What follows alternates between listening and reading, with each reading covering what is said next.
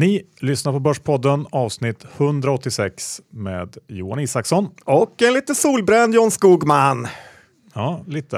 Med lite. betoning på lite. Så är det när man eh, är från Umeå. Ja, och eh, vi spelar in idag 15 februari. 2017. Året då det kanske smäller enligt doktorn. Kanske. Vi är ju också sponsrade av Diro. Det är vi. Det är ju priskrig där ute läser man varje dag i tidningarna. Men ni vet ju vem som är billigast. På giro.se har du nollkortage på OMX-börsen här och eh, stora bolag eh, upp till en miljon på din depå, fem affärer om dagen. Så testa giro.se innan du testar något annat, eh, eller hur? Ja. Vad ska vi snacka om idag?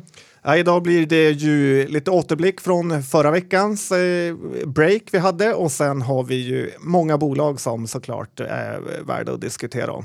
Ja, och eh, jag passade också på att träffa eh, Mr Bitcoin i Sverige, Ludvig Öberg, när du var borta förra veckan. Så det blir en liten uppdatering där i slutet av eh, avsnittet. Ja, du sitter ju och tjänar satan när man själv inte är med på det. Nu kör vi! Johan, Dr. Bassi Isaksson, index är 1585. Det är ganska håsigt på många håll. Kommentarer? Eh, ja, det stämmer. Inte bara ganska, utan extremt skulle jag säga. Och, och samtidigt så har vi ju den här ränthöjningen i USA som eh, tyckarna mer eller mindre eh, säger är hundraprocentigt säker nu. Det är väl ikväll Gällen ska snacka. Vi har ju val i Europa, Holland först ut. Det är väl också resultat idag eller? Ja, stjärten ja. favorittippad. Ja, men eh, och värderingarna är samtidigt också de högsta någonsin. Kanske med ett undantag för någon liten blipp under år 2000 där. Men annars så, ja. Eller 1928. Ja, jag tror det är högre nu faktiskt. Men börsen vill såklart inte ner och allt är som vanligt. Ja, så är det faktiskt. Ja. Lite tröstlöst att det knappt dippar ner någon gång. Ja, och jag såg också att den amerikanska tioåringen nu står precis kring den här 260 nivån som Bill Gross pekar ut som någon slags skiljelinje för räntemarknaden. Vi får se om eh, den sticker vidare uppåt här och han får rätt eller om, eh, om det inte blir så. Det blir någonting att hålla koll på i alla fall kanske. Ja, Ingves i alla fall bestämt sig för att det är brutal lågkonjak i Sverige och minusränta är fortfarande befogat. Ja, och igår såg jag att den här den franska presidentkandidaten Fillon, om man nu säger så. Fillon! Ja, kanske mer rätt. Han eh, hamnat i någon slags härva, en korruptionsskandal. Och det känns ju som att det kanske öppnar upp eh, lite mer för Le Pen och ja, börsen verkar helt enkelt inte ta in de här grejerna eller bry sig. Och det är kanske är rätt, jag vet inte. Men, men spontant så kan man ju tycka att eh, borde det inte bli lite avkylning på börsen snart? Jag hoppas det. Ja, alla länder ska ha en egen Mona Sahlin. Ja. Ska vi ta en liten recap bara på det här med Ola och förra veckans avsnitt? Ja, men det tycker jag. Och eh, för de som kanske inte följt eh, Börspodden sedan starten så vet man ju kanske inte ens varför vi håller Ola Rolén så högt eh, som vi gör. Och det var ju så att Hexagon under en lång period alltid överträffade förväntningarna samtidigt som de gjorde väldigt bra förvärv. Och sen kom ju lite av den här utlösande faktorn att Olof Waxander som hade tagit över Sandvik och eh, Sandvik gick ju väldigt dåligt, men mitt under den här krisen så bestämde sig den käre Olof för att eh, nu flyttar jag kontoret till Strandvägen, Johan. Från Sandviken? Ja, det var ju väldigt eh, underligt och eh, han ville väl ha nära hem själv.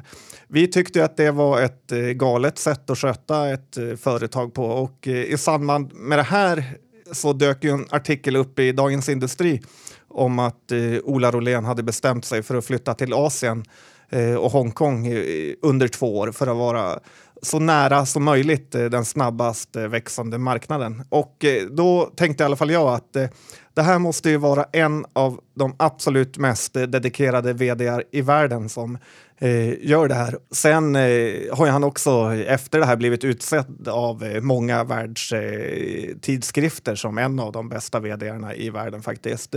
Och när man i det här ser vilket, eh, som de hade sagt i staterna eller England, vilket tremendous value och aktieägarvärde han har skapat över tid så tycker jag inte att man ska jaga iväg honom.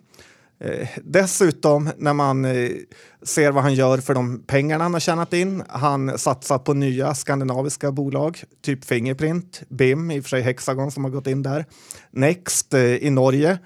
Och det, sånt eh, tycker jag vi ska vara väldigt glada för, att eh, man investerar sina intjänade pengar. Men i Jante-Sverige så tycker vissa tidningar att det viktigaste är att han avgår för att deras eh, artiklar säger så. Och det blir lite som The Sun i England som tycker att de ska bestämma vem som är förbundskapten i England och är beredd att göra precis vad som helst för att uppnå det här. De kan skriva om hans barn, förfölja honom på Twitter och eh, jag har sagt det förut och jag säger det igen Johan. Det är aktieägarna som bestämmer vem som ska vara vd i ett bolag. Det är inte en tidningsredaktion som tycker att det är, de är Expressen Fredag eller eh, Killinggänget. Eh, och om jag vore stor aktieägare i Hexagon så skulle jag för allt smör i Småland inte vilja mista Mr Rolén eh, som vd när man tittar på vad han har bidragit med. Nej, det håller jag med om. Det skulle inte jag heller vilja om jag var aktieägare i Hexagon. Men sen så resulterade ju förra veckans avsnitt också i lite av ett påhopp får man ju säga ifrån Svenska Dagbladet som eh, hade gjort ett referat på vår intervju eftersom de själva inte lyckats få till någon intervju med Ola. Ja, John. Ja, men det påminner lite grann om den här Trump-taktiken, att man försöker misskreditera eh, den andra parten i det här för att få fram sin egen ståndpunkt. Och eh, jag tycker det är så lågt och pinsamt så att jag skäms faktiskt för deras skull. Mm, jag, med, jag skäms jättemycket.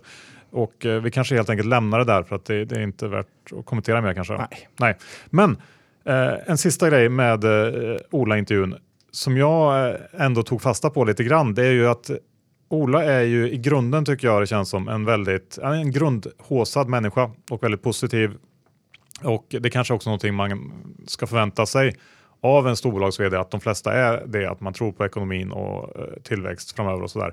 Men nu kändes det ändå som att Ola var eh, ganska defensiv när det gällde utsikterna generellt i världen i ekonomin och för tillväxt. Jag tyckte att det var lite av ett skifte. Jag har inte sett det förut hos honom. Nej, du har faktiskt en poäng där. Ja. Så eh, håll utkik. Om han är orolig ska vi andra vara väldigt oroliga. Så tycker jag att man kan tolka det. Ja. Nu går vi vidare. Citron, den eh, ökända eh, blankaranalysfirman, eh, eh eller vad man ska säga, i USA har eh, haft lite tufft på slutet. Ja, de blev ju duktigt förnedrade i det här ögonbolaget som Intel valde att köpa upp, eh, där Citron utsett det till årets eh, blankning. Det måste gjort eh, ont. Och eh, jag kom faktiskt då att tänka på Syding, att eh, han skulle kunna starta en likartad firma som eh, får namnet Sydron. Där han kör case om lång Peptonic och blankar Arkham. Ja, ja. ja, det var ju lite taskigt kanske, men jag läste en annan tweet där han skrev att lite skämtsamt då att han funderade på att starta en eh, fond igen med den här inriktningen att han ska göra, pre göra precis tvärtom mot vad, vad han själv eh, tror på. Och eh, jag tycker man kan känna igen lite av det, det tänket ibland när det inte går som man vill. Eh, för ofta vet man, man vet precis vad alla andra vet och eh, eh, alla andra har samma tankar som en själv och därför har alla gjort samma sak. Och det enda som kan hända då är precis tvärtom mot vad andra tror. Så här var det en period på Remium när både kunder och eh, personal, för det är ofta så på de här firmorna att eh, firmans personal drar med sig kunderna i vad de själv tycker är bra och så köper alla den här aktien. Eh, vilket inte behöver vara dåligt eftersom eh, förmodligen bra om man är i samma båt som kunderna. Men hur som helst så var det en kille som en dag sa innan den här kraschen kom. Hur sannolikt är det egentligen att alla här kommer att bli jätterika? Och Johan, svaret det fick vi. Vi blev alla fattiga och eh, eh, jag vet inte hur många miljoner som försvann, men det var väldigt, väldigt många eh, om man räknar in alla där. Eh, likadan sån kan man säga att det varit på Penser för Medivir Eh, de blev som galna i den här aktien under en hås. Eh, aktien stod mycket högre än vad den är nu och under ett tag ägde ju Penser 10% av alla aktier. Eh, deras analytiker snackade om skyhöga riktkurser och uppköp från Johnson Johnson.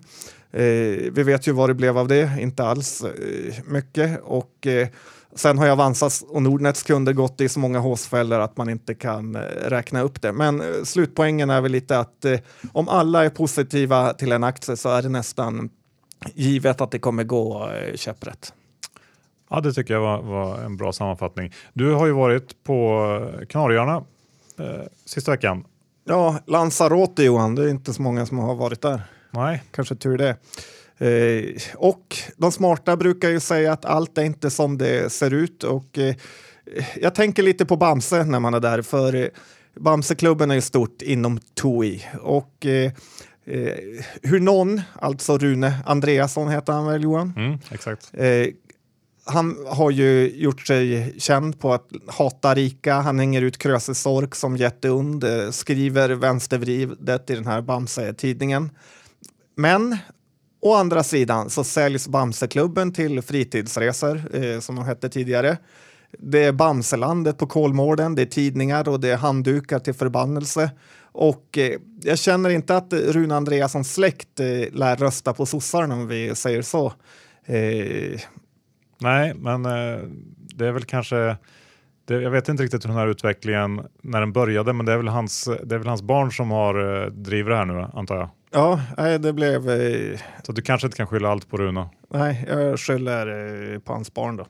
Men det är ju ändå så att TUI, som är en sån här jättekoncern för eh, eh, resor och turism, eh, har ju, är ju ett ganska intressant case tycker jag. Man kan, jag letade upp det, det går ju att handla nu via de flesta mäklare, börshandlas i Tyskland.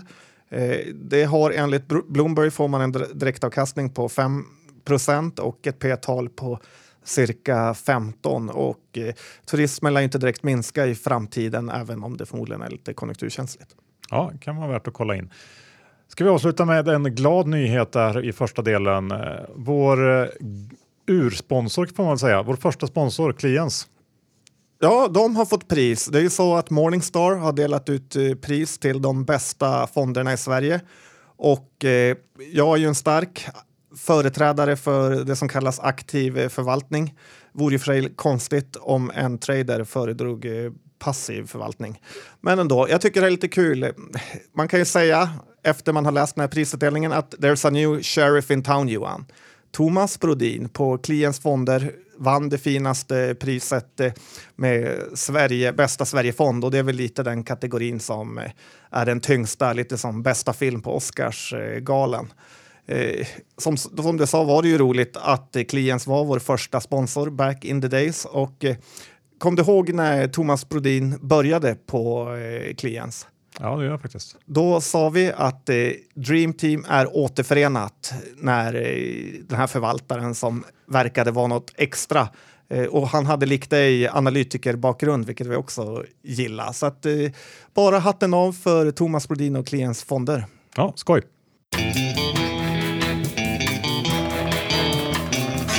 Okej John, vi ska också snacka lite bolag såklart. Jag tänkte gå direkt ut med ett, eh, ett av mina få innehav i portföljen, norska Salaris.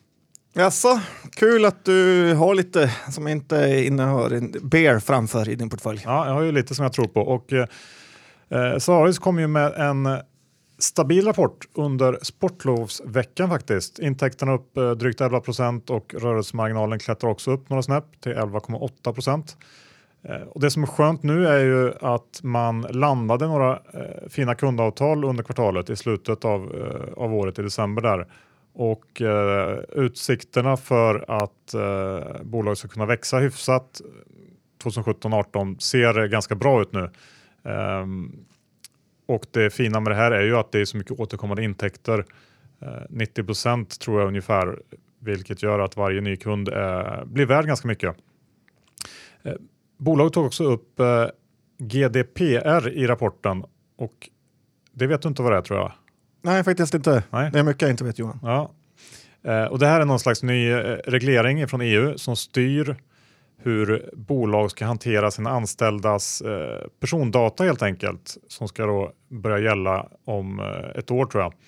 Och eh, den här, de här nya reglerna de kommer öka kraven ganska mycket på väldigt många bolag eh, och det finns eh, det är ganska stora böter om man inte eh, följer de här reglerna. Och eh, lösningar passar väldigt bra in här och det kommer antagligen att öka intresset för deras tjänster ytterligare framöver. Här. Så det, jag tycker att eh, det är mycket saker som pekar åt rätt håll. Um, och jag noterar också här veckan efter rapporten tror jag att uh, Petter Stordalens investeringsben Strawberry Capital tog en, eh, en ganska stor post i Solaris, vilket ju är skoj ändå om man gillar Petter. Ja, då kanske de får alla hans hotellanställda som kunder. Ja, inte omöjligt. John, Peptonic, det ja. lilla bolaget får man säga. Ja, nu är det väldigt, väldigt litet. De kollapsade här med sin eh, dåliga eh, studie och någon i styrelsen sålde aktier samma dag som det negativa beskedet kom. Och eh, det är så lågt och dåligt att jag inte kan förstå hur det är tillåtet för insynspersoner att agera samma dag som stora nyheter kommer ut.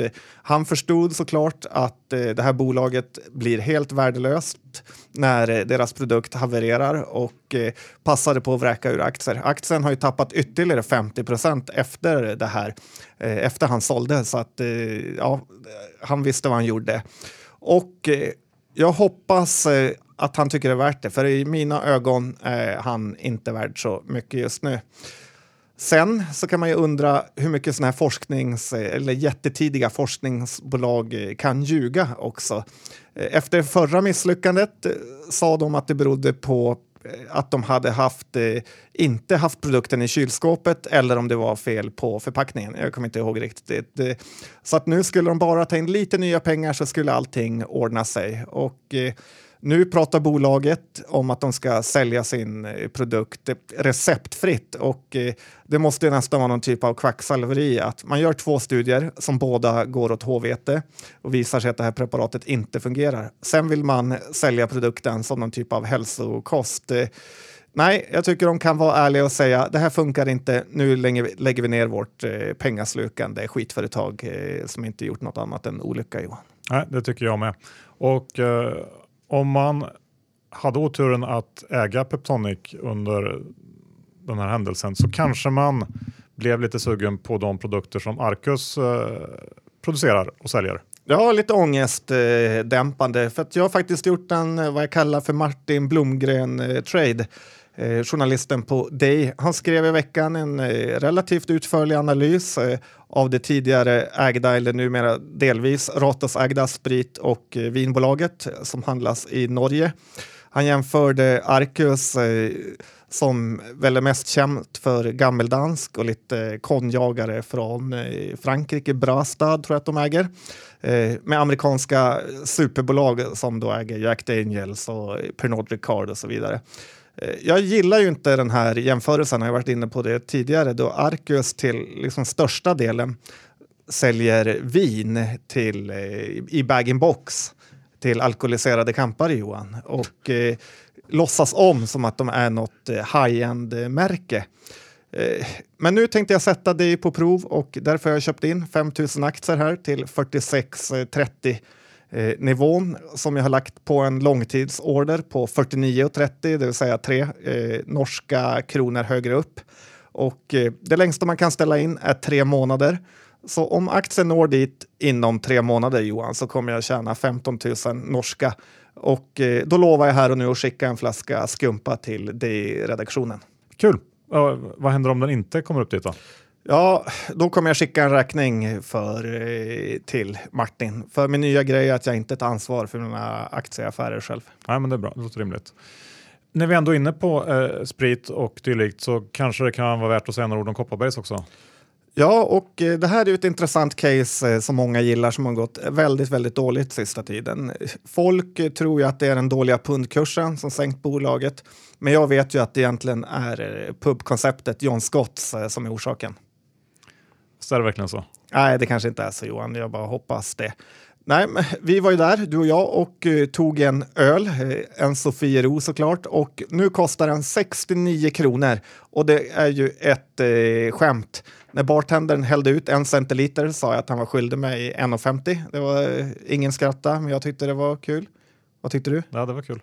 Ja, du får skratta gärna nästa gång.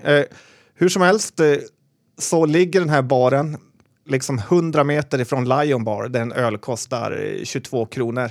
Jag tror inte det här konceptet håller och eh, jag tror det kommer också vara nedlagt inom några år, även om de inte vill erkänna det nu. Eh, jag tycker också man kan vara ganska negativ till vdn och storägaren Peter Bronsson som i princip inte lämnar ut någon info. Han svarar inte på mejl från aktieägare, han svarar aldrig på telefonsamtal och eh, kvartalsrapporten är ju väldigt fåordig, vet ju alla som har tittat i den eh, och svår att tolka eh, på lång sikt. Och det kanske var okej okay när bolaget var litet, men nu har de nästan 5 000 aktieägare bara på Avanza. Och eh, man kan väl säga att många har väl blivit direkt vilseledda av den här dåliga infon och inte förstått hur mycket pundkursen egentligen drabbar företaget. I juli eh, förra året, 2016, stod pikade Kopparbergs på 320 spänn och eh, idag är det närmare 200. Eh, det känns ju också tveksamt om bolaget ens kommer upp i att kunna tjäna 10 kronor i år, vilket då skulle ge ett P-tal på 20 lätt uträknat. Eh, dessutom är det ju rätt roligt, att, eller ganska säkert, att vinsten kommer minska 2017 mot 2016 på grund av pundkursen. Och det gillar ju verkligen inte eh, börsen. Jag personligen ser ingen anledning till att köpa det här eh, bolaget på kurser över 200. Dessutom är det ju så att likviditeten eh, ganska, väldigt dåliga, det här bolaget. Så att vid minikrascher, som vi i och för sig inte har sett många av, men då kan sådana här bolag tappa 20-30 kronor på en dag och eh, det är då man ska plocka upp det Johan. Ja, det kan vara värt att tänka på. D när du var eh, borta och reste, då passade jag på att eh, faktiskt träffa eh, Vostok Emerging Finance vd David Nangle och eh, fick, en, fick mig en liten uppdatering om det bolaget. Man har ju kanske inte jättebra koll på det eh, sprunget ur Vostok Nafta och noterades i slutet av 2015. Eh, och det här bolaget investerar i fintech i emerging markets. Lite spännande område. Portföljen består av sju innehav och så har man också 30% kassa. Och det här är ju en väldigt het sektor får man säga. Hög risk och hög möjlig avkastning om man träffar rätt. Eh, jag tänker inte riktigt gå igenom alla innehaven nu, men Flera av dem eh, ser riktigt intressanta ut och jag gillar att bolaget har, har liksom ett bra kontaktnät och lång erfarenhet och på så sätt lyckas komma in i en hel del bolag tidigt och till bra nivåer. Men det man ska komma ihåg om man är intresserad av eh, Vostok Emerging Finance det är att eh, portföljens största innehav, ryska Tinkoff, det står för lite drygt 40% av navet och eh, det här bolaget har gått från 3 till eh, 10 dollar under de senaste 18 månaderna. Eh, det vill säga kortsiktigt så får Tinkos, Tinkoffs utveckling ett väldigt stort genomslag i den här portföljen. Eh, och dessutom så är Tinkoff noterade i London så den exponeringen går ganska enkelt att få utan eh, Vostok Emerging Finance. Men totalt sett eh, tycker jag ändå att det, det, är ett spännande bolag som eh, jag ska försöka hålla lite koll på handlas eh, också med en liten rabatt mot NAV. Men eh, ja, en liten sammanfattning. Vad gör Tinkoff? Tinkoff är en rysk eh, digital bank kan man säga som har lite olika verksamhetsben. Den som är intresserad får läsa på mer. Jag kan dem inte i detalj. Tinkoff.com. mycket möjligt, eller .ru. Um, John, vi går över till uh, Kungsleden. Kungsleden, ja, jag, jag, tänkte så här att om man blev skickad till Fader Fora i Fångarna på fortet eh, och eh, fick en gåta i något i stil med vilket bolag är det som verkar på universums hetaste marknad med nollränta och allt till ens fördel och inte kan leverera ett skit på nästan tio år Johan. Vad hade du svarat då innan du hamnade i fängelsecellen när timglaset tickar ner? Jag antar att svaret som Fader Fora vill ha är Kungsleden. Ja, det var precis det han hade i sina kort där. Och eh, jag tittade på grafen. Aktiekursen är nu exakt eh, samma som den var 2005. Visst, eh, så beror ju det här mycket på att de har haft lite skattehärver med mera. Men för mig är det nästan ofattbart hur man inte kan skapa något eh, som helst aktieägarvärde under den här eh, megahåsperioden. Men nu är det nyemission igen och eh, lite oförståeligt egentligen om man tittar på siffrorna i bolaget varför den ens behövs. Det var många aktieägare som var emot den också. Eh, det skapar ju också oro att det finns några ytterligare skit i det här bolaget. Eh, men det kan också vara ett spännande läge att köpa aktien nu. Eh, dock så är det ju oftast en bra eh, strategi att faktiskt låta de här skräpbolagen förbli eh, oköpta eftersom de eh, har de inte levererat på 12 år så kanske de inte gör det nu. Dessutom tycker jag att det är konstigt att man sätter eh, nyemissionen på 45 kronor, vilket eh, gör att kursen är nu 49, så är den läskigt nära att hamna under den, vilket gör att det här skulle kunna bli en potentiell katastrof istället. Så att till och med det här kan de misslyckas med Johan. Yes, bra. Då går vi över till eh, en annan besvikelse, Aino. Ja, jag har ju nästan varit förkyld sedan de eh, kom in på börsen. Eh, och jag vet inte om det är ett straff från börsguden själv. Men på Aino är Jyrki Eklund vd och jag måste ändå säga att jag gillar honom. Dessutom så pratar han så mycket finsk-engelska som det bara går att göra. Jag tänkte, ska vi ta ett litet klipp och lyssna på vad han säger från Pensers aktiemarknadsdag? Ja, gärna. Then, sales, sales, sales. I have been doing here last month one night home. Family is not so happy. But why? Family not so happy, Johan. Nej, men det Tydligt, fåordigt och rakt, eh, precis som det ska på börsen. Mm. Tyvärr hänger inte aktiekursen med i Jyrkis eh, snack. Nej, men det är en annan sak. Eh, vi går över till en som har degat rejält idag, Oskar på Oskar Properties. Oskar Properties, Engelbert, eh, cashar in duktigt. Och eh, jag har ju lite undrat varför den här aktien har gått eh, så dåligt eh, under en så pass eh, lång period. Eh, man får ju en liten oroskänsla att det här är toppen. Eh, på bostadsmarknaden, att han har den feelingen. Eh, jag tycker också när man tittar på Hemnet att det känns som utbudet ökat eh, ganska ordentligt eh, sista tiden. Och eh, jag får, kommer också på hur fel det blir när eh, politikerna lägger sig i med sina usla idéer som Mats Kviberg brukar säga. Till exempel det här med amorteringstaket som det enda det verkar ha lett till är att folk lånar upp sig på blankolån istället och eh, att man utestänger vissa personer från den här eh, marknaden eh.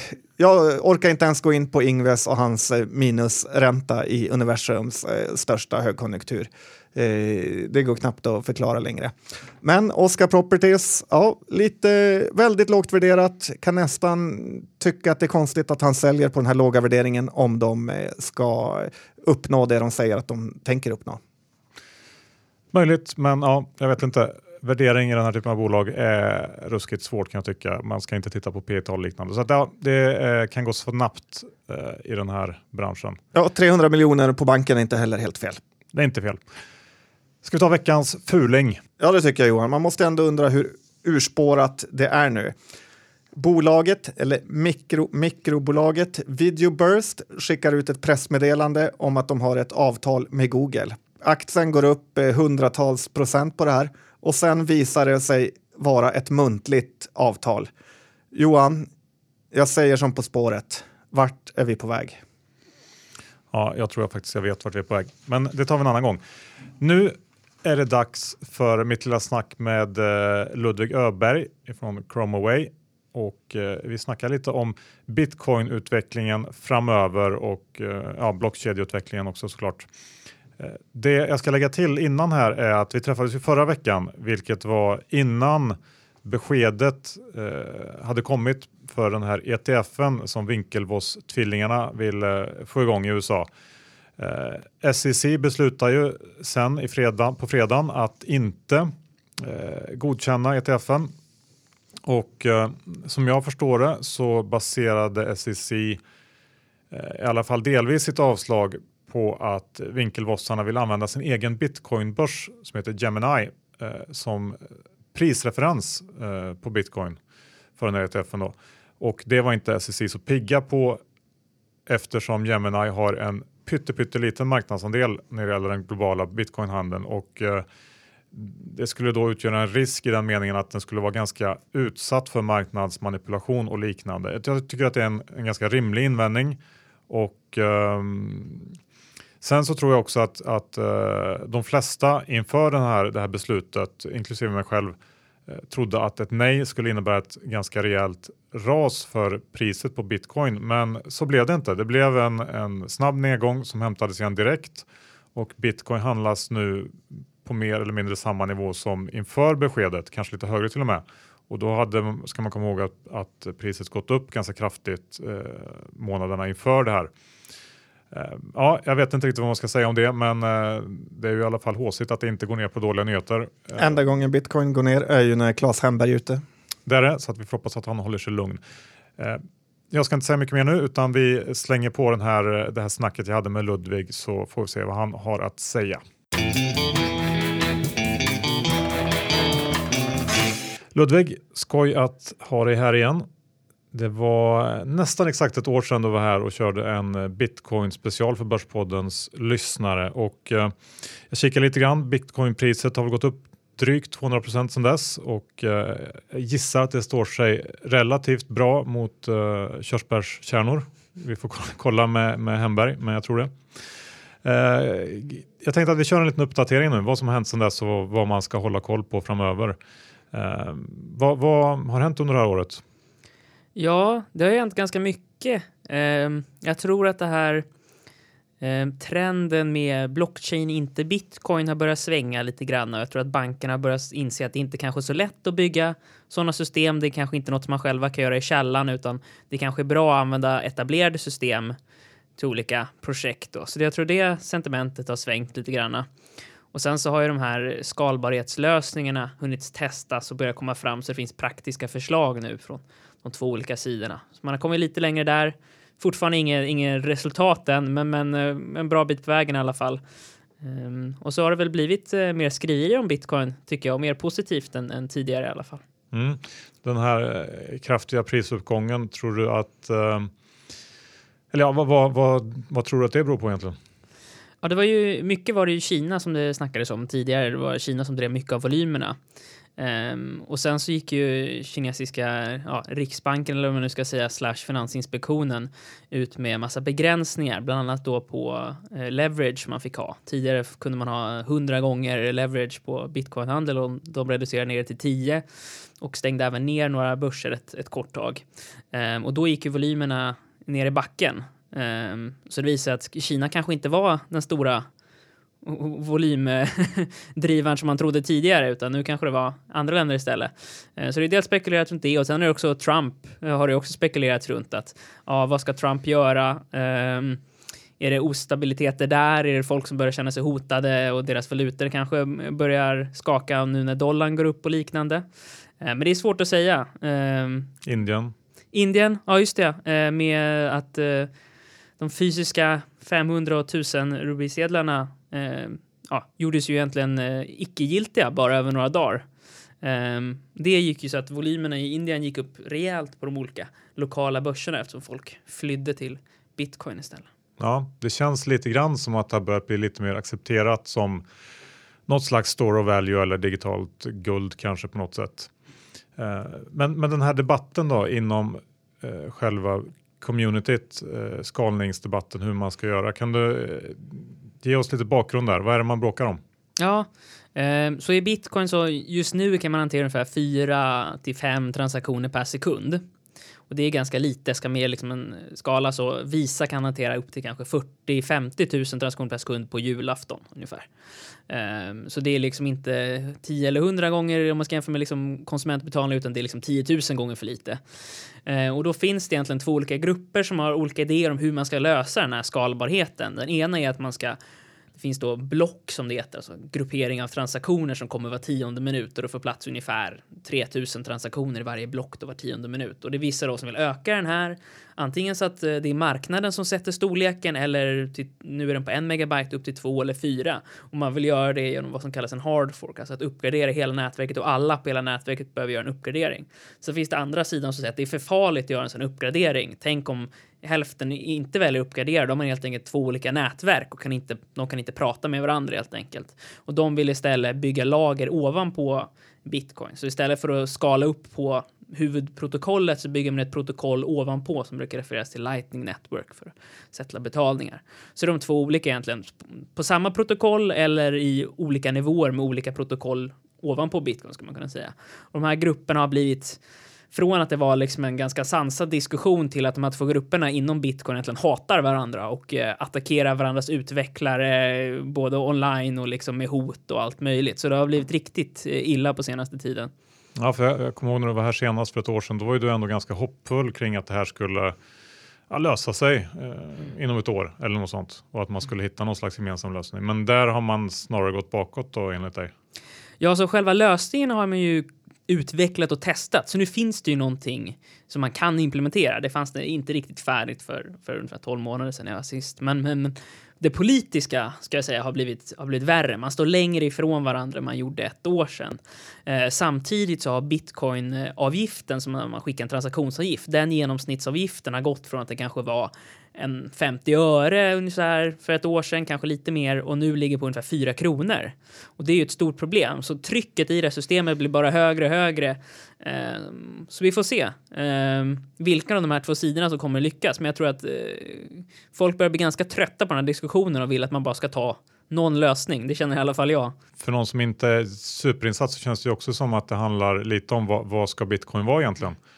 Ska det, ska det vara någonting som hanterar mikrotransaktioner eller ska det mer vara någonting som man använder som, som store of value? Mm. Är det rätt sätt att se på det? Ja, det kan man säga att, att ena sidan tycker att bitcoins huvudfunktion det är säkerhet och decentralisering. Att ingen ska kunna stoppa det för att göra en transaktion. Det ska vara så utspritt som möjligt för att det ska vara så säkert som möjligt. Då. Eh, oavsett vad transaktionsavgiften skulle vara, skulle man kunna säga. Eh, de ser väl mer bitcoin som ett guld. De vill inte göra liksom vanliga betalningar, utan de ser mer att ja, men jag skickar guld liksom en gång om året. Det gör ingen skillnad vad avgiften är. Det är bättre än liksom frakta fysiskt guld. Medan många på den andra sidan vill se det som ett konsumentbetalningsprodukt då. Och då måste ju avgifterna ner. Fyra kronor, det gör, kostar knappt liksom en kortbetalning. Um, och båda sidorna vill väl kunna, kunna ha de här sorters konsumentbetalningar, men det är mer frågan om hur man ska lyckas med det här. Eh, om man ska göra det på huvudnätverket i bitcoin eller ifall man ska försöka hitta en lösning och bygga ovanpå bitcoin som hanterar det. Hur, hur tror du att det slutar?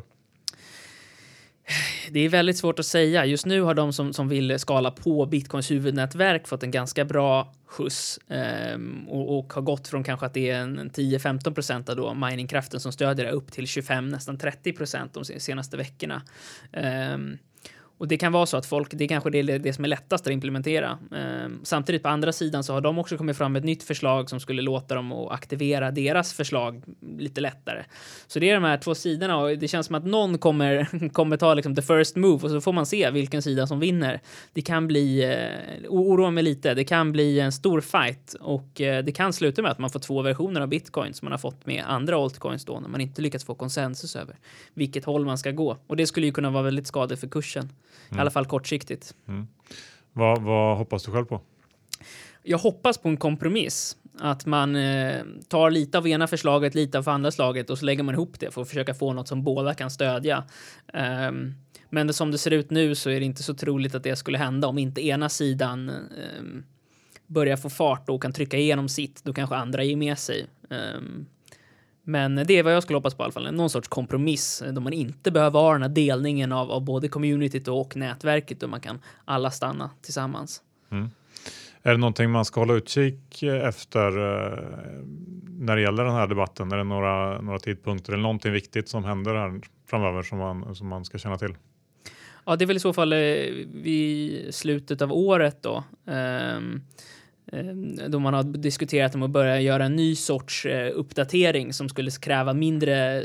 Ja, nu behöver man 95% stöd för att få igenom en uppgradering av systemet. Nu börjar man snacka om att man ska ta en större risk och kanske dra ner den där med lite olika eh, implementationer. Ehm, och då skulle man kunna se, den håller på att jobbas på nu, och skulle räknas vara klart i slutet av året, skulle man kunna se ändå en hard fork att den delar sig i två eh, om inte ena sidan ger med sig. Så jag skulle väl säga att om vi sitter här nästa år, då tror jag att någonting kommer hänt, för det här är inte hållbart. Sen exakt vad som kommer hänt, om det är en kompromiss eller om ena sidan bryter ut och, och gör något radikalt, det är svårt att säga just nu. Mm. En annan stor snackis på slutet har ju varit den här ETFen som Winklevoss tvillingarna vill försöka lansera i USA.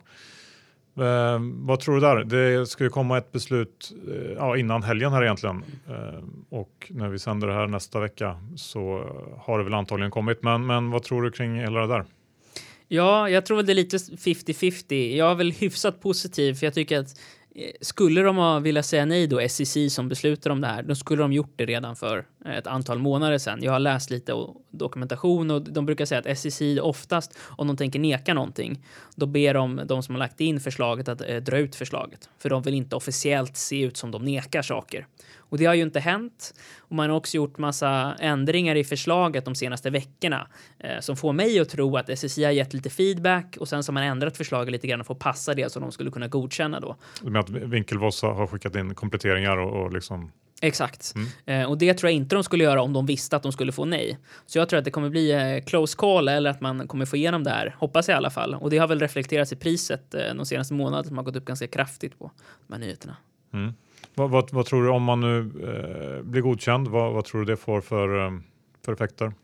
Ja, jag hoppas väl på att eh, institutionellt kapital skulle kunna börja investera i, i bitcoin, alltså hedge funds och liknande, eh, som inte har mandat att investera i liksom, konstiga bitcoins. De vet inte hur det går in i deras liksom, regulatoriska modell, men har man en ETF ja, men då kan man ju bara trada på den som man tradar med guld-ETF eller vad som helst annat. Så jag tror det är ganska viktigt ur det perspektivet. Och också att eh, du ska kunna investera utan att själv behöva ta någon säkerhetsrisk. Du behöver inte hålla koll på din egen bitcoins eller liknande, utan det sköter Winklevoss och de är försäkrade och har bra säkerhet. Att man på lätt sätt ska kunna få exponering.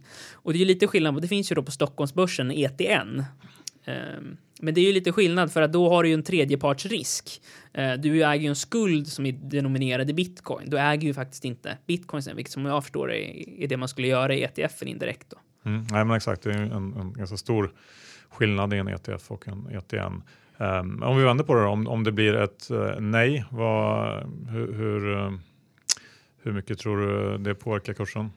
Ja, då tror jag att vi Bitcoin. kan gå ner kanske till 800 eller liknande innan det började snackas väldigt mycket om den ETFen. Det kan nog ta ett ganska stort slag. Eh, det har ju diskuterats att ETFen skulle, eh, att det skulle flöda in runt 100 miljoner dollar i, i den här ETFen och det är ganska stort om man kollar på, på bitcoins handelsvolym. Eh, market cap ligger någonstans 16 miljarder dollar. Så det skulle ju putta upp i alla fall lite om man tänker på den supply som det kommer att äta upp. Så får man väl se. Eh, Winklevoss har ju själva massa bitcoins, så det kanske är det som de likviderar och då kanske det inte får så stor påverkan oavsett. Men jag tror att det, om det lyckas... Det hade i och för sig varit en ganska full grej att göra. Uh, Sälja sina egna? Ja, men att om, om man lanserar en, en, en bitcoin ETF så känns det ju ändå som att man är en, uh, tror lite grann på det. Om man då skulle använda det för att sälja rakt in i, ja, vi får se. Men, ja, um, ja, men det är svårt att säga, men jag tror att det kan få stora svängningar både upp och ner beroende på hur beslutet blir. Um, om vi bara tittar framåt då generellt uh, det här året, vad, vad, finns det några stora events förutom det här uppenbara uh, eh, SEC-beslutet och det här i slutet på året när man kanske får igenom den här, den här ändringen i, uh, i hur man kan få saker genomförda i, i kedjan. Vad, vad har vi annars att se fram emot? Ja, dels så är det det här mm, beslutet med den kinesiska centralbanken som har då satt en, en eh, begränsning på att man får ta, inte får ta ut bitcoins under några månaders tid. Och den börjar snart löpa ut om några veckor. Och då är frågan kommer de låta börsen att, att öppna upp igen eh, som de skötte sin business tidigare? Eller kommer det vara begränsningar eller liknande som kommer komma in? Eller kanske man till och med inte låter dem öppna igen helt. Så det är en fråga om man tror att det var Kina som ledde den tidigare volym eh, handeln och, och, och, kommer de tillbaka då eller inte? Så det är om några veckor. Annars är det ju den här utvecklingsfajten mellan de två sidorna och, och se vad som händer där. Sen är det också två till ETFer som har ansökt eh, med SEC eh, som ska få något sorts beslut. Eh, så det är, ja, det är mycket som händer eh, som man kan se fram emot tror jag eh, det här året. Yes, och eh, de andra coinsen som finns där ute, hur, hur, har utvecklingen varit där? Hur, hur ser det ut? Ja, det är några coins som har gått upp eh, extremt mycket. Mycket av de som har fokuserat på, eh, på privacy, alltså att man ska kunna skicka anonyma betalningar och då är mer anonyma än bitcoin som egentligen inte riktigt är anonymt på det sättet.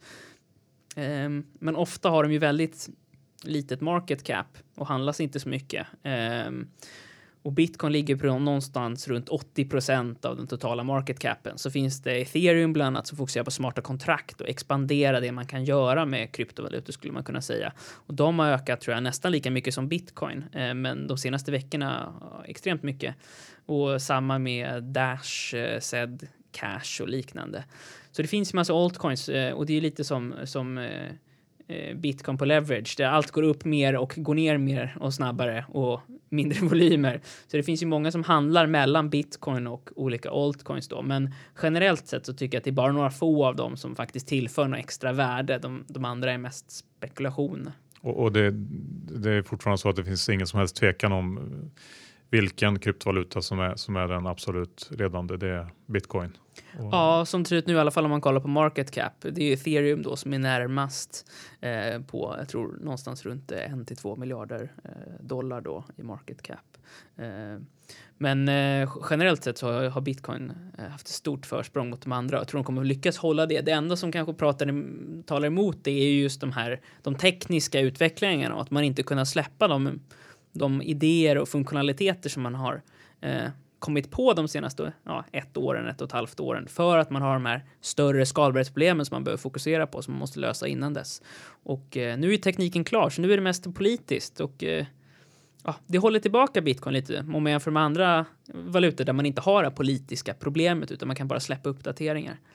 Så vi får väl se. Jag hoppas att bitcoin, det kommer någon kompromiss eller att någon sida vinner. Jag börjar bli ganska trött på det och att bitcoin kan gå vidare. För det finns många coola saker som är, som är på väg i bitcoin med mikrobetalningar eller eh, anonyma betalningar och liknande. Många funktionaliteter som är på, på, väg men som liksom har fastnat på grund av det här. Mm. Politiska problemet. Vi har ju varnat eh, i Börspodden lite grann för OneCoin. Vad har du att säga om det? Ja, eh, enligt mig så finns det ju inga bevis på att det är en kryptovaluta eller att den har en blockkedja bakom sig. För mig ser det ut som en helt vanlig eh, centraliserat företag som säljer eh, investeringar i form av utbildning. Eh, och när någon säger att du får utbildning och sen så får du lite coins på sidan, eh, men vi säljer bara utbildning, då kanske det är en sån här röd eh, varningsflagga och också när man lovar eh, avkastning på olika sätt. Och även när man har en pyramidstruktur där eh, du, folk får betalt för att bjuda in andra och liknande. Jag tror att det är en helt klassisk ponzi som eh, bedrivs som ett, bara ett vanligt företag. Det finns inga bevis på, på motsatsen. Och jag tror tyvärr att det är många svenskar och, och, och, många runt om i världen som har kommit fast i det här. Jag har sett någon statistik på att det är runt 20 till 30 000 svenskar som har investerat där. Um, jag såg en artikel senast för några veckor sedan att det var 56 000 svenskar. 56 000 senast, okej.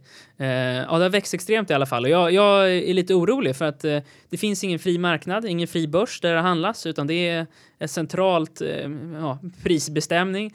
Det finns ingen transparens i hur många av de här coinsen som finns. Eh, där företaget kan ge ut nya när som och sälja dem.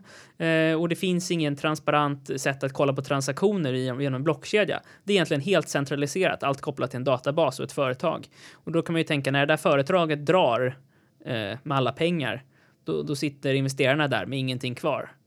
Då kan de inte växla tillbaka någonting.